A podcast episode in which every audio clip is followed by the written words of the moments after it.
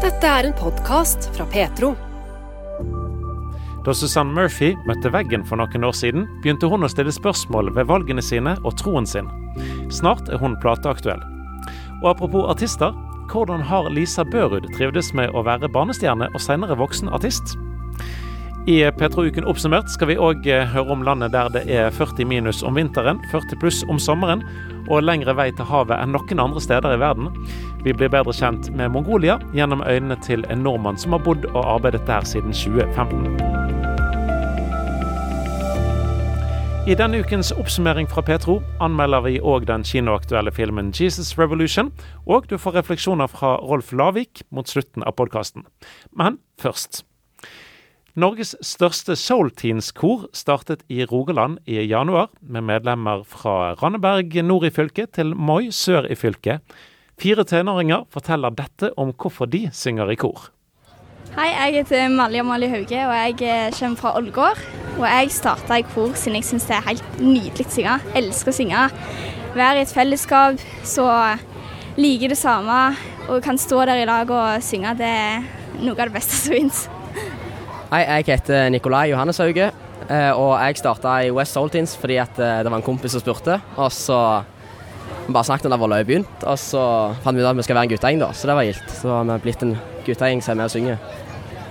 Ja, hei, jeg heter Oline Mori, og jeg kommer fra Frøyland. Um, jeg begynte i kor fra helt jeg var liten. Jeg elsker å synge hele tida. Det er kjempekjekt. Og ja, det er bare nydelig å være et fellesskap med andre som elsker å synge. Hei, jeg heter Philip Gillisvela. Jeg kommer fra Randaberg. Jeg har alltid likt musikk, og jeg syns det er veldig kjekt å synge i kor. Så jeg har sunget i Soul Children på Randaberg i mange år før jeg begynte i Soul Teens Vest. Så der har jeg truffet flere jeg har sunget med før, og det er veldig kjekt å være i en egen guttegjeng òg, sammen med Nikolai og de andre guttene.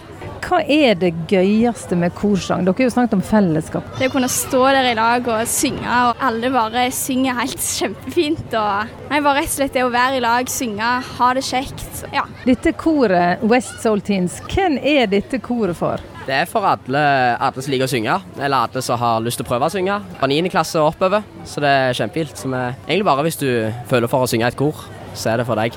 Vi sa jo at det var det største soulteams i Norge. Hvor mange medlemmer har dere? Vi er vel rundt 70 stykk. I dag var vi bare 45, da. Men eh, ja, vi er en god del, ja. Hvem er det som skriver sangene deres? Ja, Det er ofte Hilde Svela som er lederen da for koret, men hun har ofte med seg eh, familie som òg er musikkprodusenter, da. Og nå i dag på Gjergård så har dere sunget på engelsk. Er det engelsk det går på stort sett? Det blir en del engelsk, men det er òg en del norsk. Så vi synger både engelsk og norsk, og alt er like kjekt. Nikolai, hva handler sangene om? Det handler om mye forskjellig. Den ene som vi sang i dag, 'We Are The Light', den er jo handler om at uh, vise at vi kan være lys. Ja, at vi kan spre budskap videre da, om, om Jesus og om Gud, og òg om fellesskap. Det er mye forskjellig. Og budskapet er viktig i West Soul Teens. Ja, Det er jo det å få fram budskapet budskap om Jesus og Gud, og at, at, vi kan være der for hverandre og spre om at Gud er der òg alltid for deg hvis du bare tar han imot. Dere er en fargerik gjeng eh, og har veldig sånn fargerike klær. Er det bevisst? Det er bevisst. Vi vil eh, vise som vi kan eh, Folk skal henge seg på og vise at vi er lyset. Vi, vi vil spre dette lyset videre. Vi vil spre farge og glede i hverdagen. Og bare spre godhet, rett og slett. Nå har dere holdt på siden januar, men allerede denne helga er dere ute med to egenproduserte sanger på Spotify. Fortell litt om den prosessen. Altså, Først har jo Hilde samla en god gjeng der de skal skrive sangene.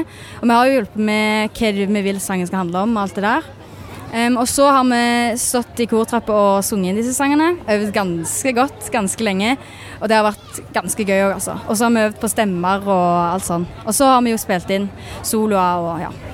Vil dere anbefale andre å synge kor? Ja, jeg vil sterkt anbefale det. Nå er det jo fra en som har sunget siden jeg har vært helt liten, veldig liten, da. Men selv hvis du ikke tror du kan synge, så kan du godt prøve. Fordi det er veldig kjekt å være i et kor. Og så kan du ofte trene opp sangevnene dine. Og da Ja, du kan ofte trene deg til å bli veldig god på å synge, selv om du ikke har sunget mye før. Nå er dette kor med 70 stykk, og en god gjeng med gutter også. Er det sånn at gutter er ekstra velkomne? Ja, det vil jeg absolutt si. Det, vi håper veldig på mer gutter, og det er veldig gildt at vi er en guttegjeng, men vi skulle gjerne vært flere. Har dere mer prosjekt på gang nå? Ja, vi har det. Jeg eh, håper jo på at det blir flere sanger og kunne spille rundt forbi. og bare styrke koret og gjøre det enda bedre og kunne samle flere. Håper jo nå da vi synger rundt forbi og kunne få enda flere som blir med. Så det er bare til å bli med. Den invitasjonen kom fra Mali Amalie Hauge, som sammen med Nikolai Hauge, Philip Gjerde Svela og Oline Mori tok seg tid til en prat eh, etter platerelease med West Soul Teens sist helg. Og West Soul Teens er altså ute på strømmetjenester med låten We Are The Light, blant annet. Reporter var Anne Birgitte Lillebø Bø.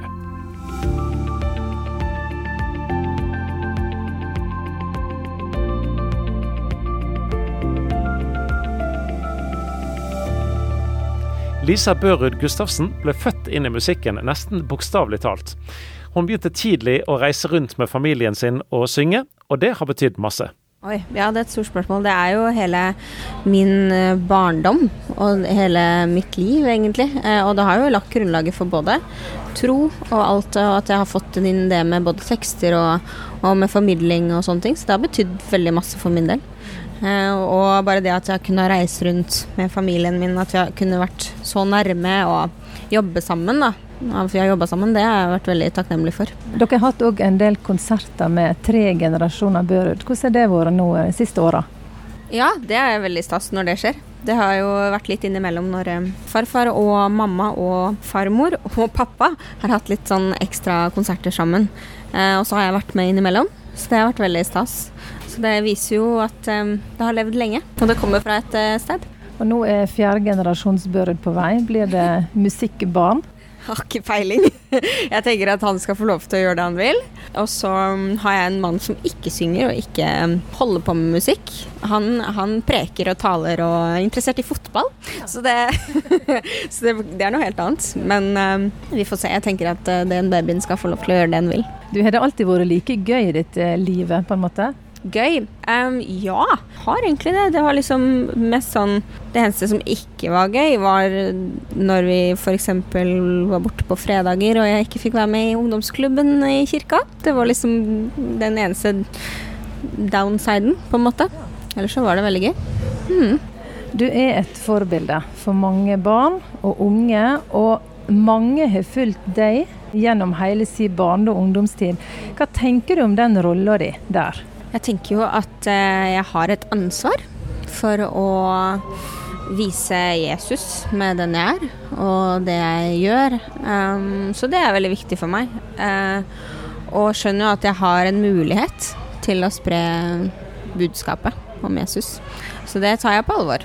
Og det er liksom en av de viktigste tingene og grunnen til at jeg gjør det jeg gjør, rett og slett. Mm. Nå er vi her på Jærgårds, en uh, musikkfestival uh, i Rogaland. Første gang du er her. Mm. Og du har nettopp hatt konsert. Hvordan er det å oppleve den responsen av egentlig alle generasjoner? Ja, det er helt fantastisk. Er, uh, jeg skjønner det ikke. Jeg sier det til meg selv mange ganger. Jeg bare skjønner ikke hvordan folk kommer, og hvordan de gir så mye respons, liksom. Gjennom så mange år. Det er så takknemlig. det er ikke en selvfølge. Ikke i det hele tatt. Så jeg føler meg veldig heldig. Du er sanger, du òg danser, og også forkynner i serien Plussord. Da får du altså ett minutt på å si noe på sosiale medier. Kanskje noe som folk bruker som en viktig start på dagen, vet jeg. Hvordan jobber du med denne serien og de andaktene? Nei, det jo Det blir jo temaer som man eh, som man syns er viktig, som man skriver om, og som, eh, som man tror at uh, ja, kan være en sånn fin sånn påminner for folk på morgenen, eller når de, når de ser det. Eh, og forhåpentligvis enkle å forstå, da. Mm. Så jobber jeg sammen med en som heter Alex. Så eh, fint å ha liksom sammen, noen å samarbeide sammen med. Mm. Nå er du jo òg pastorfrue. Hvordan er det å være det? det er fint. Jeg føler meg ikke som en pastorfrue. Men det er fint å stå sammen om noe så viktig. Eh, og så er han en fin leder både i kirka og hjemme. Så det føles trygt og fint. Det er bra å være pastorfrue, med andre ord. du har sunget mange forskjellige sanger, og mange vil høre kanskje de samme sangene igjen og igjen. Eh, har du en favoritt sjøl blant eh, sangene dine? Går det an å si noe om det? Ja, um, jeg er veldig glad i den låta som heter 'Nær meg'.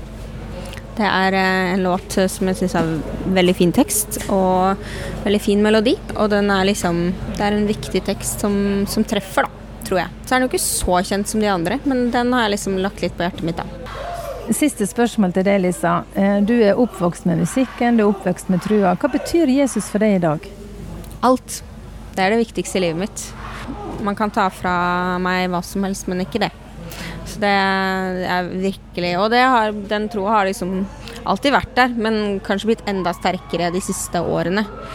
Um, så det å gå i kirka, det å lese Bibelen, det å være grunnfesta, det er kjempeviktig.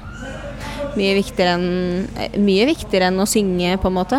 Det å ha kontakt med Jesus og ja, ha det i hverdagen, da, det er det aller viktigste jeg gjør. Det sa Lisa Børud Gustavsen, som eh, nylig deltok på festival Gjergårds, der eh, reporter Anne Birgitte Lillebø Bø tok en prat med henne. Du lytter til en podkast fra Petro. Vi ønsker å formidle tro, rotfestet, redelig, reflektert og relevant, slik at du blir inspirert til etterfølgelse av Jesus. I tillegg til podkaster og webradio kan du høre Petro på DAB 24-7 mange steder i landet. I 2015 reiste nordhordlendingen Jan Ingve Berntsen til Mongolia. Planen var opprinnelig å være der i ett år som utsending for Misjonssambandet, men han har blitt værende og bor i en landsby vest i landet. Han opplever at Gud har kalt han til å være der han er, men det har vært krevende, og det har tatt tid. For en som ikke kunne språket, var sjøl det første møtet med hovedstaden Ulan Batar ganske forvirrende. Altså, det var en storby, og jeg tenker at alle storbyer liker det. Jeg er jo eh, godt utenfor bygda sjøl, så det å være i en by er jo ikke helt det jeg liker best. Men altså, det var jo eh, fascinerende å komme en plass der ingen forstår hva jeg sier. Jeg skjønner ikke hva noen sier. Så det var jo eh, da, også mat og sånt var jo òg helt fremmed. For da var det um, gatekjøkken og sånt, eh, om du kan kalle det rundt forbi. Og de solgte noe som heter pirosjki, så det var jeg åt første måned, for da hadde jeg ikke blitt kjent med byen og mat og alt dette her. Så var frityrstekt deig med noe ris og kjøtt inni. Det er godt, altså, men det ble litt mye på slutten der. Ja, Det ble litt ensomme, skal du si. Ja, det. Ja. men så har du jo lært deg eh, språk etter hvert. Ja. Og eh, du hadde ett år i hovedstaden først. Ja. Først jeg kom ut, så var jeg ettåring. Um, og så uh, hva skal jeg si, jeg fikk ikke lov å reise hjem av Gud, så da ble jeg værende og for til Vest-Mongolia, i en landsby der. Mongolsk er jo hovedspråk, og da kan jeg nok til å overleve, og litt mer, kanskje.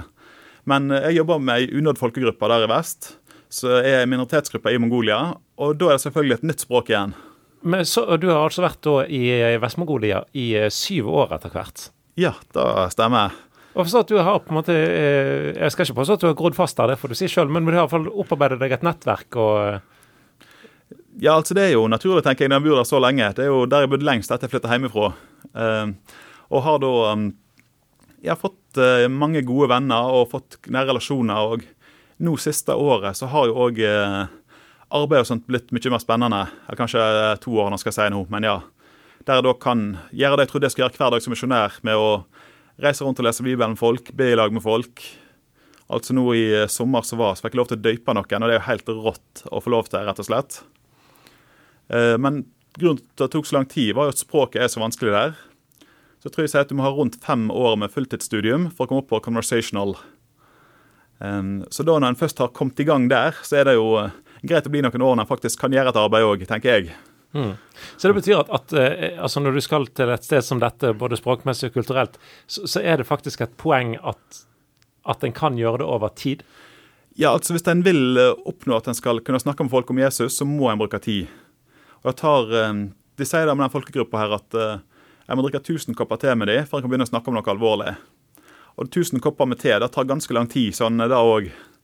Og skal en da lære språk og kultur oppå dette her, eller oppå de tekoppene Den salte melketeen, så det er fantastisk. Nei. Eh, så, eh, så da tar det tid. Så det er Hvis flere vil komme ut, kanon, kom, men bruk mye tid helst. Det må hjelpe oss litt å bli, bli kjent med, ja. med landet, eh, med, med, kulturen. Hva, slags, eh, hva er det som kjennetegner eh, Mongolia og menneskene som, som lever der? Nei, altså Det er jo et stort land, fem ganger stort som Norge. Tre millioner innbyggere. Så de er veldig frie på mange måter. Altså det, De har så mye plass. De kan gjøre hva de vil. Ja, Det er det landet i verden der, som står som nummer tre på listen over eh, lavest befolkningstetthet. Ja, og det gjør jo at og 25% er nomader ennå i Mongolia, og er ute og lever med dyrene. Og det er jo herlig, for det er at lever du som nomade, og den kulturen har mange tatt med seg, så er ikke klokka så viktig. Hvis du sier det skjer i dag, så skjer det i dag, men om det skjer klokka 11 på morgenen eller formiddagen eller 12 på kvelden, det er ikke så nøye. Ja, så er de ekstremt gjestfrie, og det kommer nok òg av at det er så få folk. Og eh, klimatisk, altså det er 40 minusgrader på vinteren. Så hvis det kommer gjester, så må du ta imot dem. De må få mat, ellers så dør de. Uh, og det gjør de. Så du kan komme på hvor du vil på landsbygda, banke på ei dør, og så får du ei seng å sove i, og du får mat å ete. Og salt melkete, selvfølgelig. Ja, nettopp. Ja, for, ja. for kosthold er ganske radikalt annerledes enn, enn i Norge? Ja, Det er mye kjøtt. Det spiser en jo mye i Norge òg. Men fisk er jo eh, ikke så mye av, for å si det sånn. Det er jo ikke kyst i Mongolia. Og tradisjonelt sett så var det kjøtt på vinteren, melkeprodukt på sommeren. Nå har de jo begynt med litt mer import og begynt med litt mer korndyrking og sånt. Det er flere som har blitt bufaste. Så nå har de jo litt mer eh, ja, brød og uh, mjøl og den slags i maten, og av og til litt grønnsaker hvis du er heldig. Jeg skal ikke si av og til. det er Ofte japote og gulrøtt, men ikke så mye annet. Eh, men så nevnte du jo te. Det høres ut som det er viktig i kulturen? Ja, det er veldig viktig.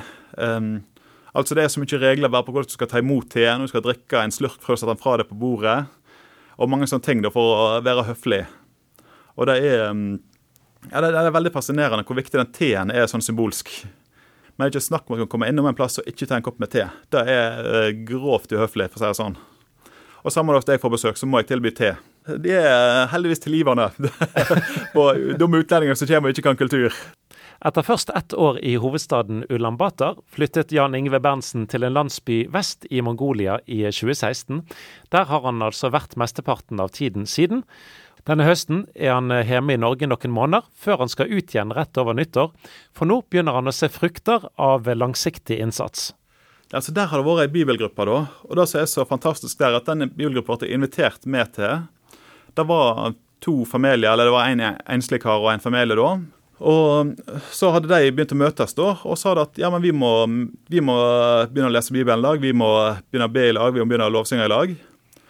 Og så så de at det var en mangel på bibelkunnskap.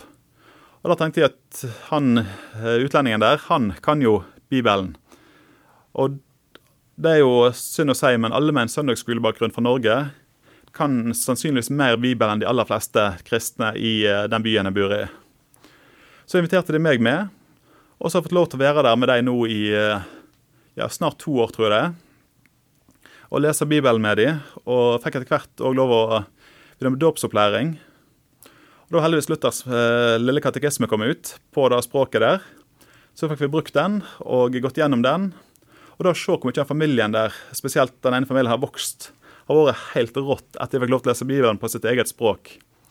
For Tidligere så leste de den på mongolsk, og da skjønte de kanskje 50% av. Og du ikke forstår hva du leser, så er det vanskelig å uh, ta til seg.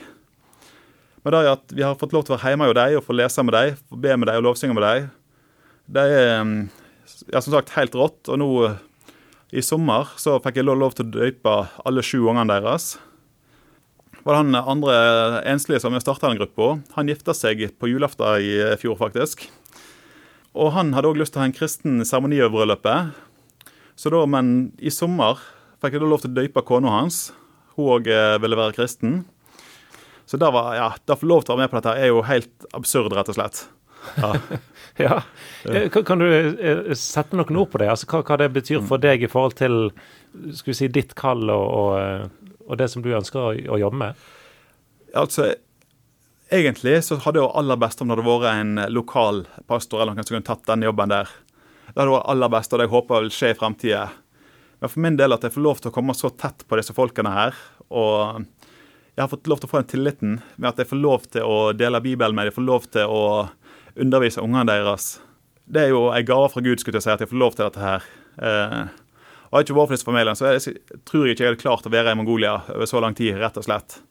For det, jeg får så vanvittig mye igjen av å få lov til å være der og ha noen å lese Bibelen med sjøl, og ha noen å be med og ha ja, lovsangsfellesskap òg med. Mm. Ja, for, for, Jeg har jo forstått på deg eh, på ting du har fortalt meg før, før vi eh, starta mm. opptaket her, at, at eh, At det er ikke nødvendigvis det at du trives så enormt godt i Mongolia som er grunnen til at du bor der? At det, det er et kall her som ligger i bunnen? Ja, da er det jo absolutt. Eh, hadde ikke jeg vært overbevist om at Gud vil ha meg der, så hadde jeg ikke klart å være der. Det er jeg sikker på.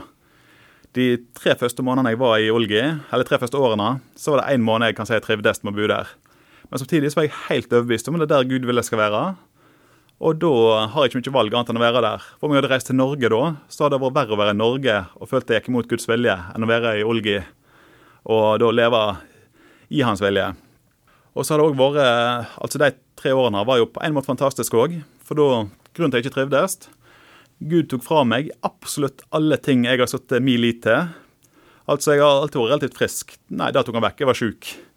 Jeg har alltid vært sterk. Altså, jeg er jo feit og feil, men jeg har vært sterk òg. Nei, plutselig har jeg ingen eh, kreft igjen. Noen kofferter som jeg hadde båret opp til der jeg bodde, skulle flytte to etasjer opp når jeg hadde kommet der. Det var ikke snakk om at jeg klarte å bære dem. Eh, har mye venner. Plutselig så var det lite lokale vennskap, skulle jeg si. For jeg kan ikke språk. Det er helt naturlig. Ja, Alle de tingene som jeg på en måte har satt min eh, lit til mer enn til Gud, kanskje, uten at jeg visste det sjøl, tok han vekk. Og tvang meg rett og slett i kne. Men så så jeg at ja, men han er der jo, og han svikter ikke.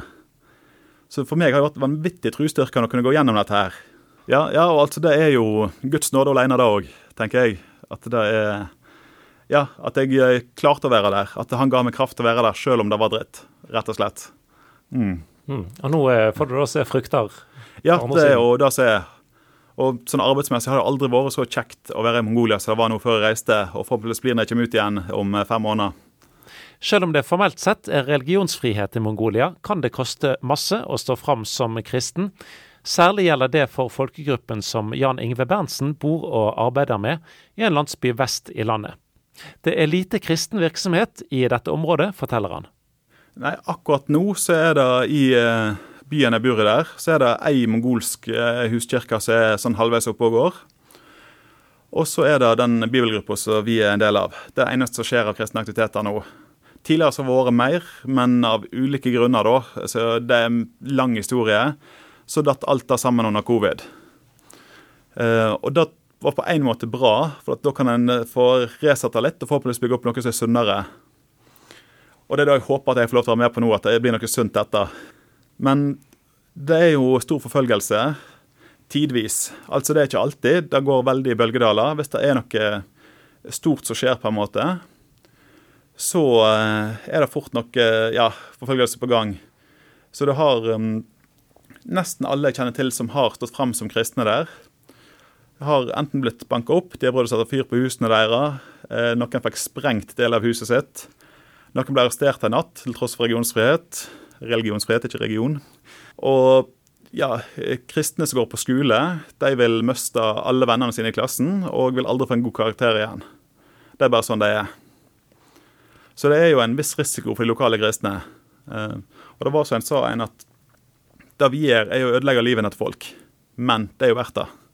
Altså, de får en evighet. Ja, ja, for det òg er jo et, et, et, aspekt her, mm. eh, når situasjonen er sånn som det. Men, men du, du eh, føler ikke at du eh, er ute og skaper problemer? Jeg håper jo ikke jeg skaper så mye problem, eller på en måte håper jeg at alle får problem. For at de får høre at de er syndere. Men jeg trenger Jesus. Men, det, nei, uh, men nei, altså jeg eh, Ja, jeg har vel eh, fått en fred med det at eh, om det verste skulle skje, så får jeg møte det igjen i himmelen i hvert fall. Eh, ja, jeg har én kamerat, og det var um, Kall det flaks eller Guds under, kall det hva du vil, men at han overlevde, det var ikke gitt, for å si sånn, når han blir banka opp og frastjålet jakken i ti minus og må gå ni timer hjem med knekte ribbein og skader i nakken og uh, ja, blør og styrer på. Så da Ja. Men igjen, jeg hadde fått møte han i himmelen. Eh, vet du hva som eh, på en måte, hva er grunnen til at det i, i eh, denne kulturen er, er så provoserende når noen velger å, å, bli kristne? De er ekstremt tradisjonsbundne. Tradisjonen er viktigere enn alt for dem. Så hvis du snur ryggen til noe som helst, tru eller andre ting i tradisjon og kultur, så du, har du forlatt folkeslaget, nærmest. Ikke bare familie eller storfamilie, men òg folket ditt. Akkurat nå er du hjemme i, i Norge, skal være fram til nyttår? Ja, rett over nyttår så får jeg ut igjen. Hva, hva, vet du, eller hva tror du, eller hva håper du at du skal jobbe med utover eh, vår og sommer og neste vinter osv.? Nei, altså eh, Vår og sommer, da er det forhåpentligvis å fortsette å bygge opp dette her. Eh, det som er grunnlaget for ei kirke, så vidt jeg kan se det nå. Det jeg sjøl ønsker å kalle det kirke, jeg er vel litt mer tilbakeholden på det. Men nå er det hun eldstedattera som ble døypt der. Hun er 16 år og driver en ungdomsklubb for 15 stykker. Eh, og De 15 stykkene ønsker de at skal begynne å få dåpsundervisning, og de har spurt om jeg kan gjøre det når jeg kommer ut igjen. Da må vi ha skriftlig tillatelse av foreldrene, for det er uh, aldersgrense på 18 år. Du har ikke lov til å evangelisere noen under 18 med mindre foreldrene har tillatelse. Så jeg håper jo at uh, de går i orden, og at det ikke skaper for store problem for hun. For det vil jo da komme fram at hun driver med kristent arbeid. Så da håper jeg kan være med på. Så håper jeg òg å få jeg har begynt å besøke flere av de eh, kristne som nå eh, fortsatt kaller seg kristne, eller de som har gått eh, tilbake til sin tidligere tro i frykt for forfølgelse, og få lov til å få ja, Forhåpentligvis at de òg kan bli innlemma i et fellesskap. Så eh, nevnte du òg noe om en, en aktivitetspark som eh, dere har litt tanker om å kanskje få til? Ja, altså det er bygd en aktivitetspark i den byen jeg bor i òg nå, og i Hovd. I den der som jeg er, der mangler vi nok tillatelser fra myndighetene. Så nå tror jeg jeg har vært innom eh, fire eller fem forskjellige offentlige kontor og må innom noen til for å få lov til å få tillatelser til å åpne den. Men håpet der er jo òg at vi kan få kontakt, og spesielt skape kontakt mellom kristne og ikke-kristne ungdommer. At de kan komme i lag og leke og herje og bygge gode relasjoner. Både for oss misjonærer at vi kan gjøre det, men òg for de lokale kristne. Og sånn forhåpentligvis da få de gode, dype relasjonene skal til for at en kan dele evangeliet med dem. Det fortalte altså Jan Ingve Berntsen, som eh, er utsending for Misjonssambandet i Mongolia. Av sikkerhetsgrunner så kan vi ikke fortelle akkurat hvor i landet han bor, eller hvem han arbeider med. Denne høsten er altså han hjemme i Norge, men reiser til Mongolia igjen like over nyttår.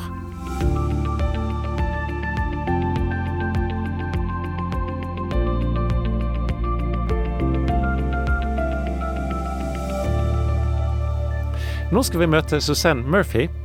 Da hun møtte veggen for noen år siden, begynte hun å stille spørsmål ved valgene sine og ved troen sin. Samtaler med venner ble viktig for veien videre. 25.8 så slipper hun en singel som er først ut, fra et album som heter The Cross, og som kommer seinere i høst. For eh, da hun var seint i tenårene, så var planen til Suzanne Murphy å bli artist. Men eh, det viste seg at livet skulle ta en helt annen retning. Fordi det var drømmen da, som 19-åring, å ha en musikkarriere. Og eh, livet gikk i andre retninger, som har vært helt fantastisk. Vi har jobbet for eh, en misjonær som heter Reinhard Banke. Eh, min mann har reist rundt hele Afrika og hele verden, egentlig.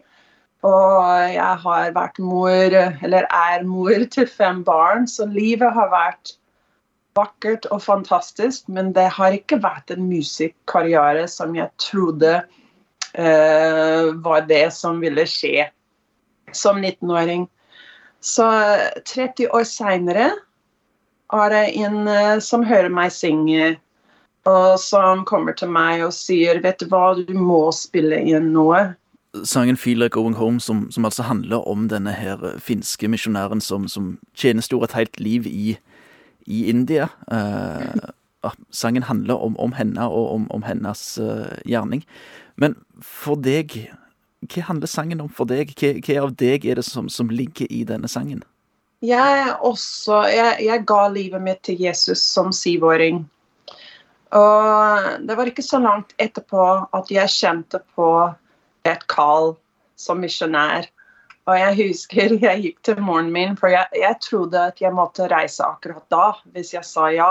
Så det var veldig, det var veldig sterkt for meg, og jeg gikk gråtende til mora mi og sa mamma, jeg, jeg tror Gud vil at jeg skal være misjonær. Og jeg husker hun sa vet du hva, Suzanne, hvis det er det han ønsker for livet ditt, så blir det det beste, du, uh, beste liv du kan ha. Så det er riktig å si ja. Og jeg husker vi knelte der og da og sa ja til Gud. Og så jeg, jeg føler som jeg har hatt en, en rolle som uh, misjonær som har ligget der. Og jeg trodde da vi reiste med Reinhard, det var da det var sånn at kallet uh, kom i spill, liksom. At det var aktivisert. Men nå skjønner jeg at det er, det er nå, da jeg flyttet til Norge, det er liksom nå at han har virkelig aktivisert meg som misjonær. Og det er grunnen til at jeg synger. Det er eh, å peke mot ham og Ja, å snakke om de viktigste eh, i livet.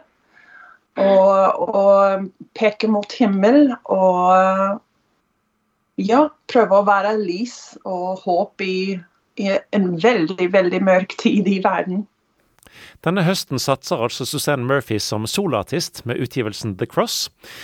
Fem av sangene på den kommende platen ble spilt inn i et velrenommert studio som heter Sunset Sound Studio i Hollywood. Veien fram til denne satsingen som artist og utgivelse, det startet med en tung periode i livet for noen år siden.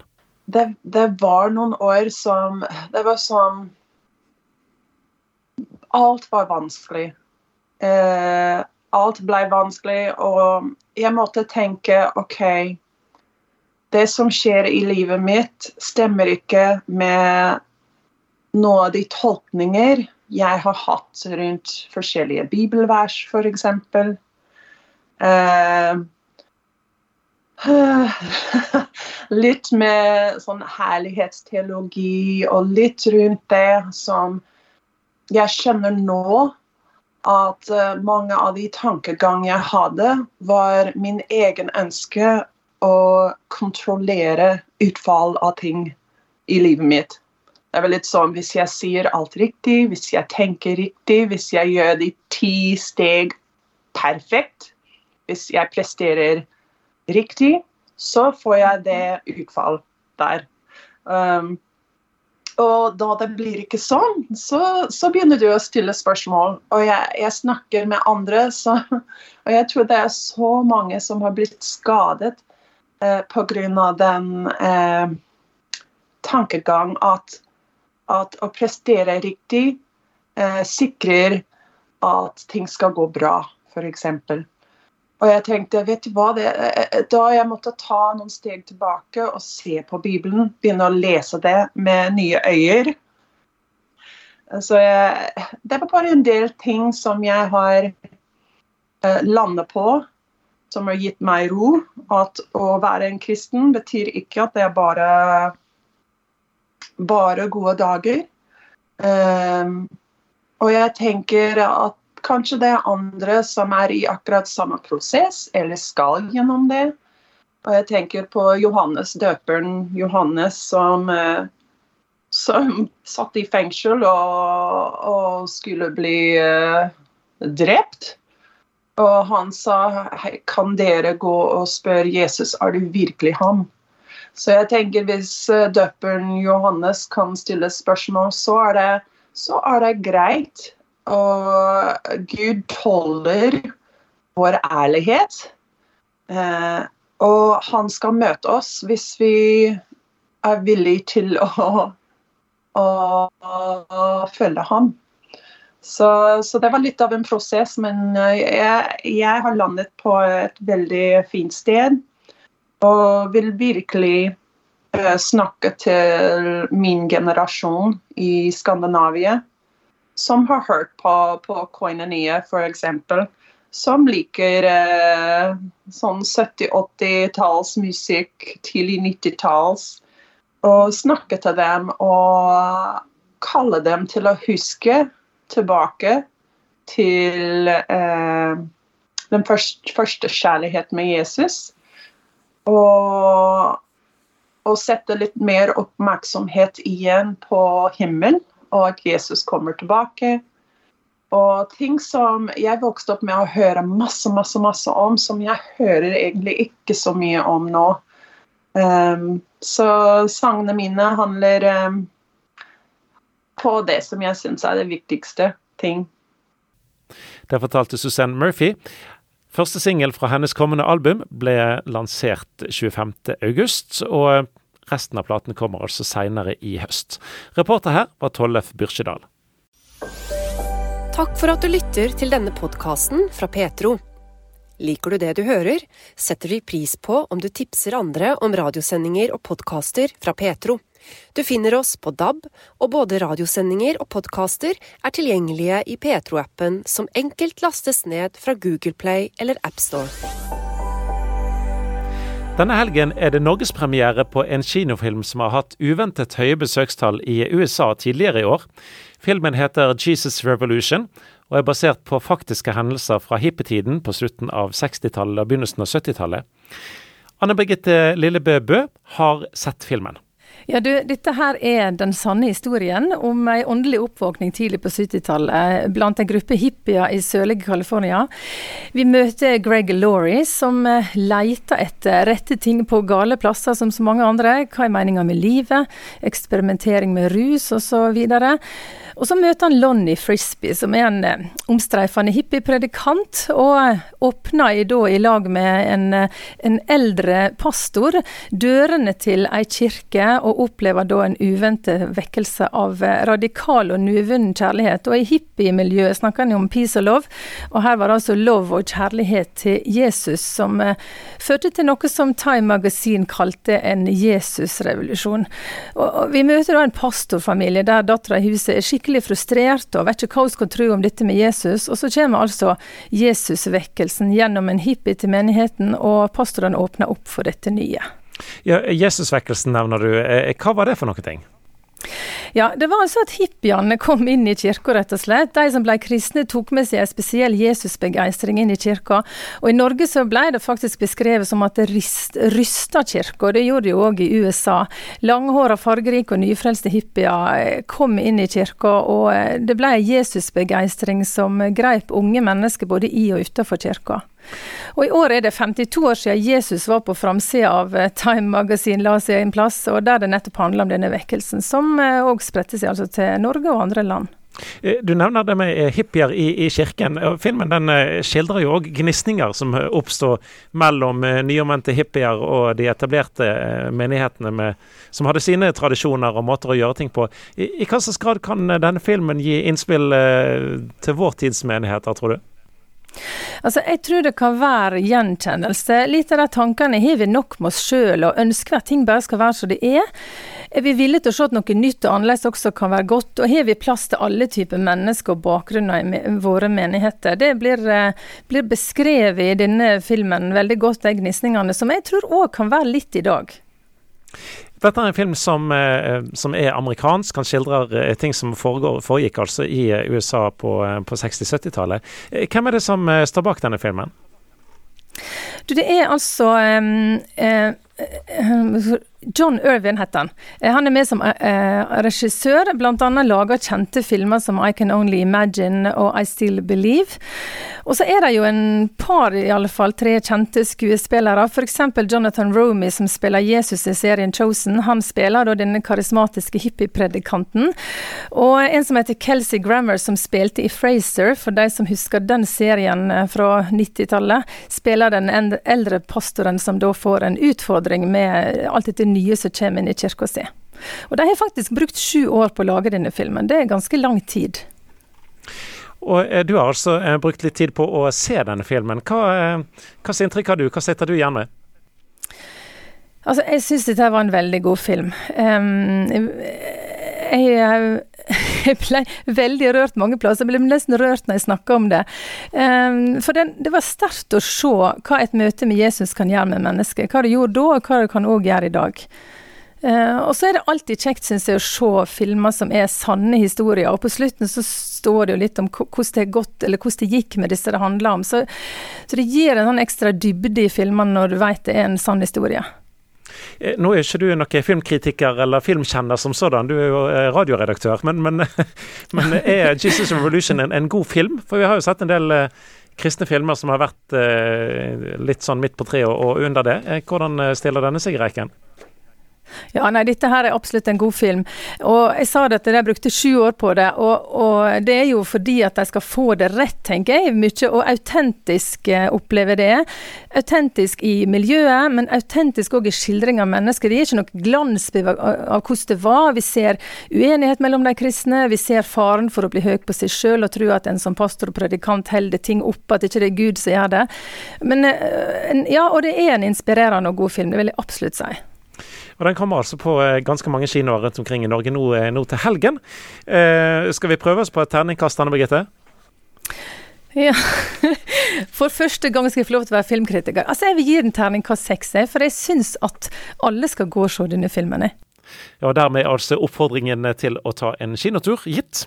Her i Petro-uken oppsummert så skal vi straks over til denne ukens refleksjoner, som kommer fra Rolf Lavik.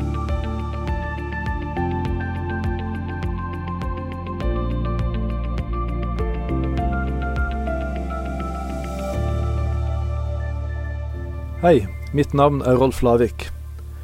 Min mormor bodde på Grefsen i Oslo.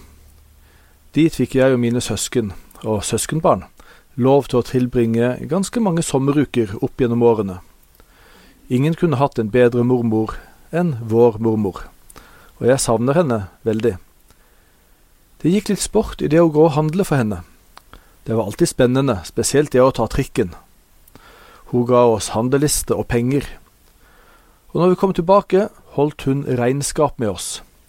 Vi måtte vise kvitteringer og vekslepenger. Alt måtte stemme, og det endte jo med at vi fikk mye ros.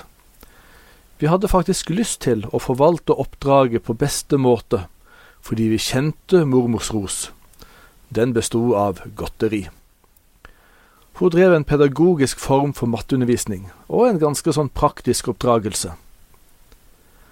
Jeg har derfor et godt forhold til uttrykket det å bli holdt regnskap med, for det var verdens beste mormor som gjorde det.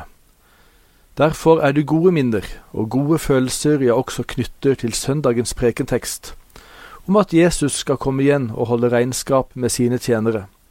For jeg kjenner Jesus, og han er god som mormor i det å holde regnskap.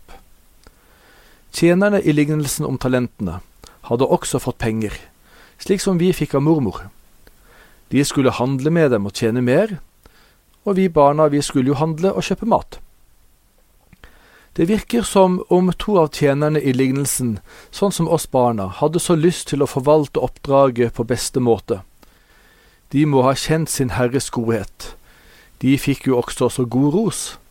Vel gjort, gode og tro tjenere, fikk de høre. Kom inn i gleden. Nå var det en annen tjener der også. Han skal vi prate litt om senere en dag. Men tenk nå på de to første tjenerne. Og du som kjenner Jesu godhet, og du som vet hva han skal si til, og faktisk gjøre mot de gode og tro tjenerne. Du må jo glede deg til Jesus kommer og holder regnskap med deg, slik jeg gledet meg til regnskapet med min mormor. Og regnskapet med Jesus, det blir bedre enn alle mormorers godteri.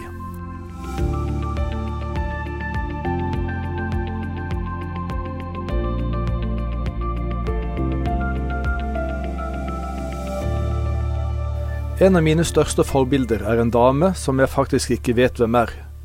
Jeg kjenner henne ikke, jeg har aldri pratet med henne, og jeg har vel knapt noen gang sett henne. Men grunnen til at hun er et så stort forbilde, er på grunn av noe som ble sagt om henne. Hun jobbet for mange år siden hos min onkel og tante, og min tante sa om henne, hun er den beste ansatte vi har. Hun ser selv hva som trengs å gjøres, og så gjør hun det. Hun var en god og trofast ansatt, og fikk skryt. Godt gjort. Jeg har prøvd å adoptere denne arbeidsmoralen inn i mitt eget liv, og det å spre den videre til andre. Det er en smart og lønnsom innstilling. For vi liker jo alle å få slik skryt, at vi har vært flinke, at det vi gjør blir lagt merke til og at det blir verdsatt. Ja, vis meg en person som ikke liker gode tilbakemeldinger. En som ikke liker å bli takket eller bli skrytt av eller få ære og anerkjennelse. For absolutt alle liker det. Faktisk er det en av de store drivkreftene i menneskelivet. Og enda viktigere er det for oss hvis det er noen betydningsfull som takker eller skryter av oss. Tenk da å få skryt fra Gud selv, som sier til deg godt gjort. Og nettopp det skal Jesus si til så mange av sine tjenere. De har vært gode og trofaste i tjenesten for Jesus. De har sett hva som måtte gjøres i Guds rike, og så gjorde de det. Og vet du hva det er de gjorde? Det fortalte Jesus om like før vår tekst denne søndagen. Det er de som er opptatt med å gi de andre mat i rette tid. Det er de som ser andre mennesker og blir opptatt med å gi dem Guds ord. Og det er det ikke alle som gjør. Men gjør du det? For det er det Jesus ser etter, og skiller etter når han kommer igjen. Det er de som er de gode og trofaste tjenerne, og som får høre Godt gjort, kom inn til min glede.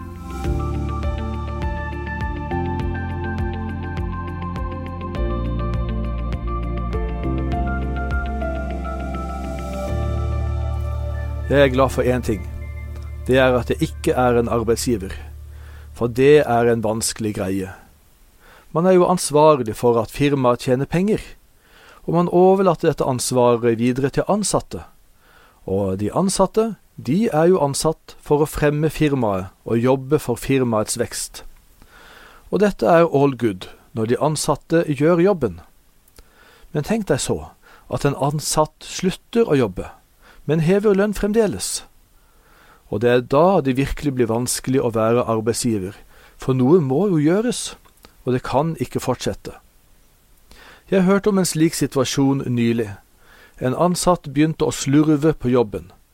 Mye ble halvgjort og til og med ødelagt, og etter hvert ble det skulking med all slags dårlige unnskyldninger.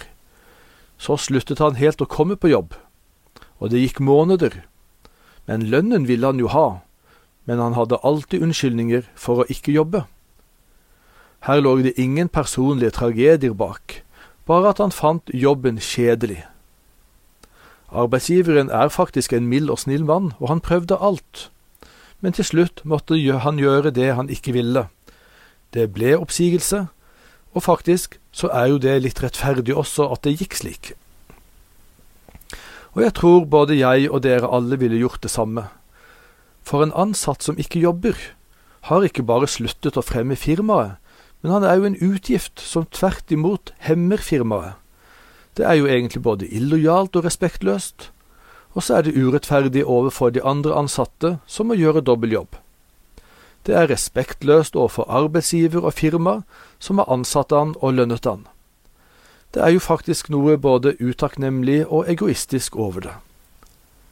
Slik er det også når Jesus kommer igjen, og han skal ta regnskap med sine tjenere, som han har overlatt arbeidet til. Søndagens tekst er jo en lignelse om talentene.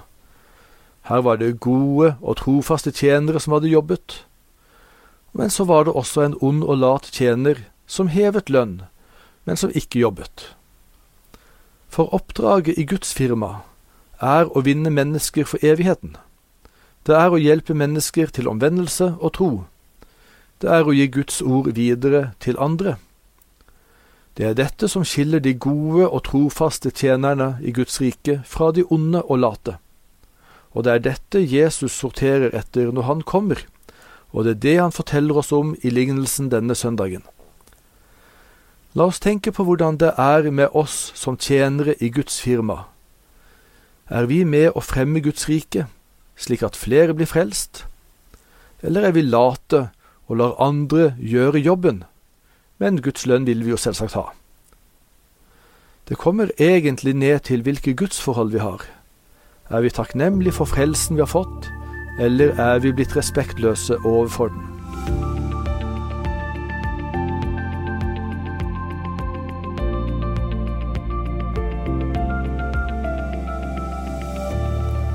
Jeg har hatt mange gode lærere, og jeg har gått på mange gode skoler. Og spesielt internatskolen husker jeg. Og det var spesielt én internatskole som står fram som helt spesiell. De viste oss elevene en utrolig tillit, de gav oss en helt uventet frihet. Og kanskje var de dumdristige, og kanskje var de naive, jeg vet ikke. Men vi elever følte at vi ble gitt noe stort. For vi fikk friheten til å være våken så lenge vi ville. Ingen stengetid på internatet. Vi fikk nøkler til ytterdørene. Vi kunne komme og gå som vi ville. Og vi hadde ikke gjort oss fortjent til det, det er greit nok, men de gav oss en frihet likevel, egentlig bare av nåde. Med det fulgte også et ansvar, for leksene skulle være gjort. Man skulle møte uthvilt til første time, og man skulle ikke forstyrre dem som ville sove tidligere enn oss selv.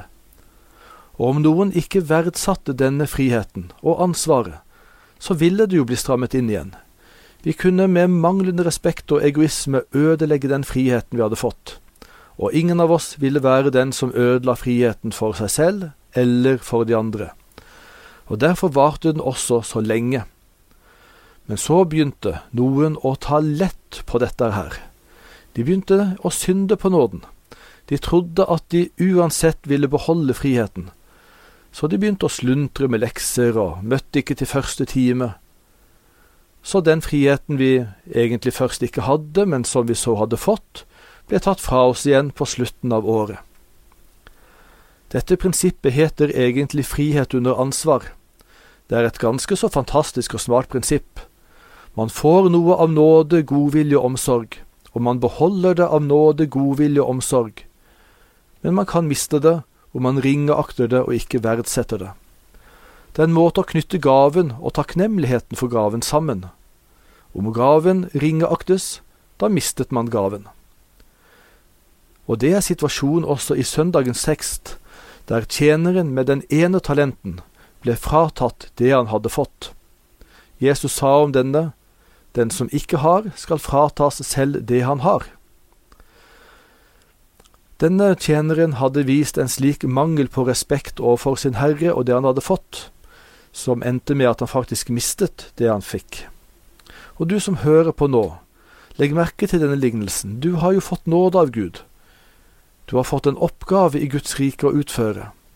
Så la oss være takknemlige og verdsette dette, slik at det ikke blir tatt fra oss.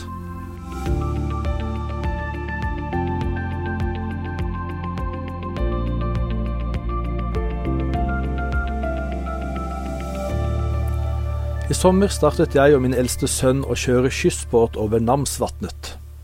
Vi kjører fjellvandrere inn i Børgefjell nasjonalpark. Det er utrolig gøy. Vi møter så mange spennende mennesker. Noen av disse fjellvandrerne er helt spesielle folk. De har et mål. De går Norge på langs, enten fra Lindesnes til Nordkapp eller fra Nordkapp til Lindesnes. Ja ja, noen går faktisk helt fra Sicilia, Italia til og med, og går Europa på langs. Saken er at veldig mange av disse er ifra Tyskland, og det er fordi at noen år siden, da var det en tysker som skrev en bok om det å gå Norge på langs, og det har ført til at mange tyskere nå er på vandring. De har lest om et mål, de ble inspirert, og de vandrer. Det er også hensikten med det vi leser om i søndagens tekst. Å lese i Bibelen om et mål, det å bli inspirert, og det å selv vandre mot dette målet. For teksten vår handler om at Jesus kommer igjen, og at det er en himmel å nå. Disse Norge på langsgående, de er så besluttsomme. De er så smilende glade og takknemlige, slik jeg håper at også vi himmelvandrere oppleves. En liten fun fact må jeg nevne her. Namsvatnet ligger akkurat midt imellom Lindesnes og Nordkapp. Det er 851 km i luftlinje hver vei. Namsvatnet er faktisk Norges sentrum, og vandrerne har kommet halvveis på sin vandring når de kommer hit til kystbåten min. Noen av dem forteller om skader og smerter, og at den største kampen er faktisk den mentale. Lysten til å gi opp melder seg mange ganger, og er av og til så sterk. Likevel er de så glade når jeg møter dem. Og vi får kanskje være litt til hjelp på deres vandring mot målet der oppe. Og det er nettopp det Jesus også ser etter hos oss når han kommer igjen. Det er det han forteller om i sin endetidstale, som vår søndagstekst er hentet ifra. Det å være en god og trofast tjener, som selv er på vandring mot himmelens mål, men som også hjelper andre vandrere som er på vei til det samme mål. Vær en himmelvandrer du også. Vær med og hjelp andre også på himmelveien. Det var de tankene jeg satt med i dag om dette. Må Gud velsigne deg.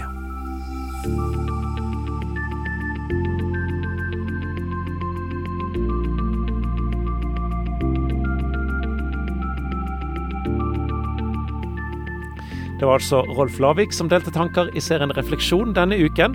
Petro-uken oppsummert er ferdig oppsummert. Ny podkast kommer neste fredag. Vi høres.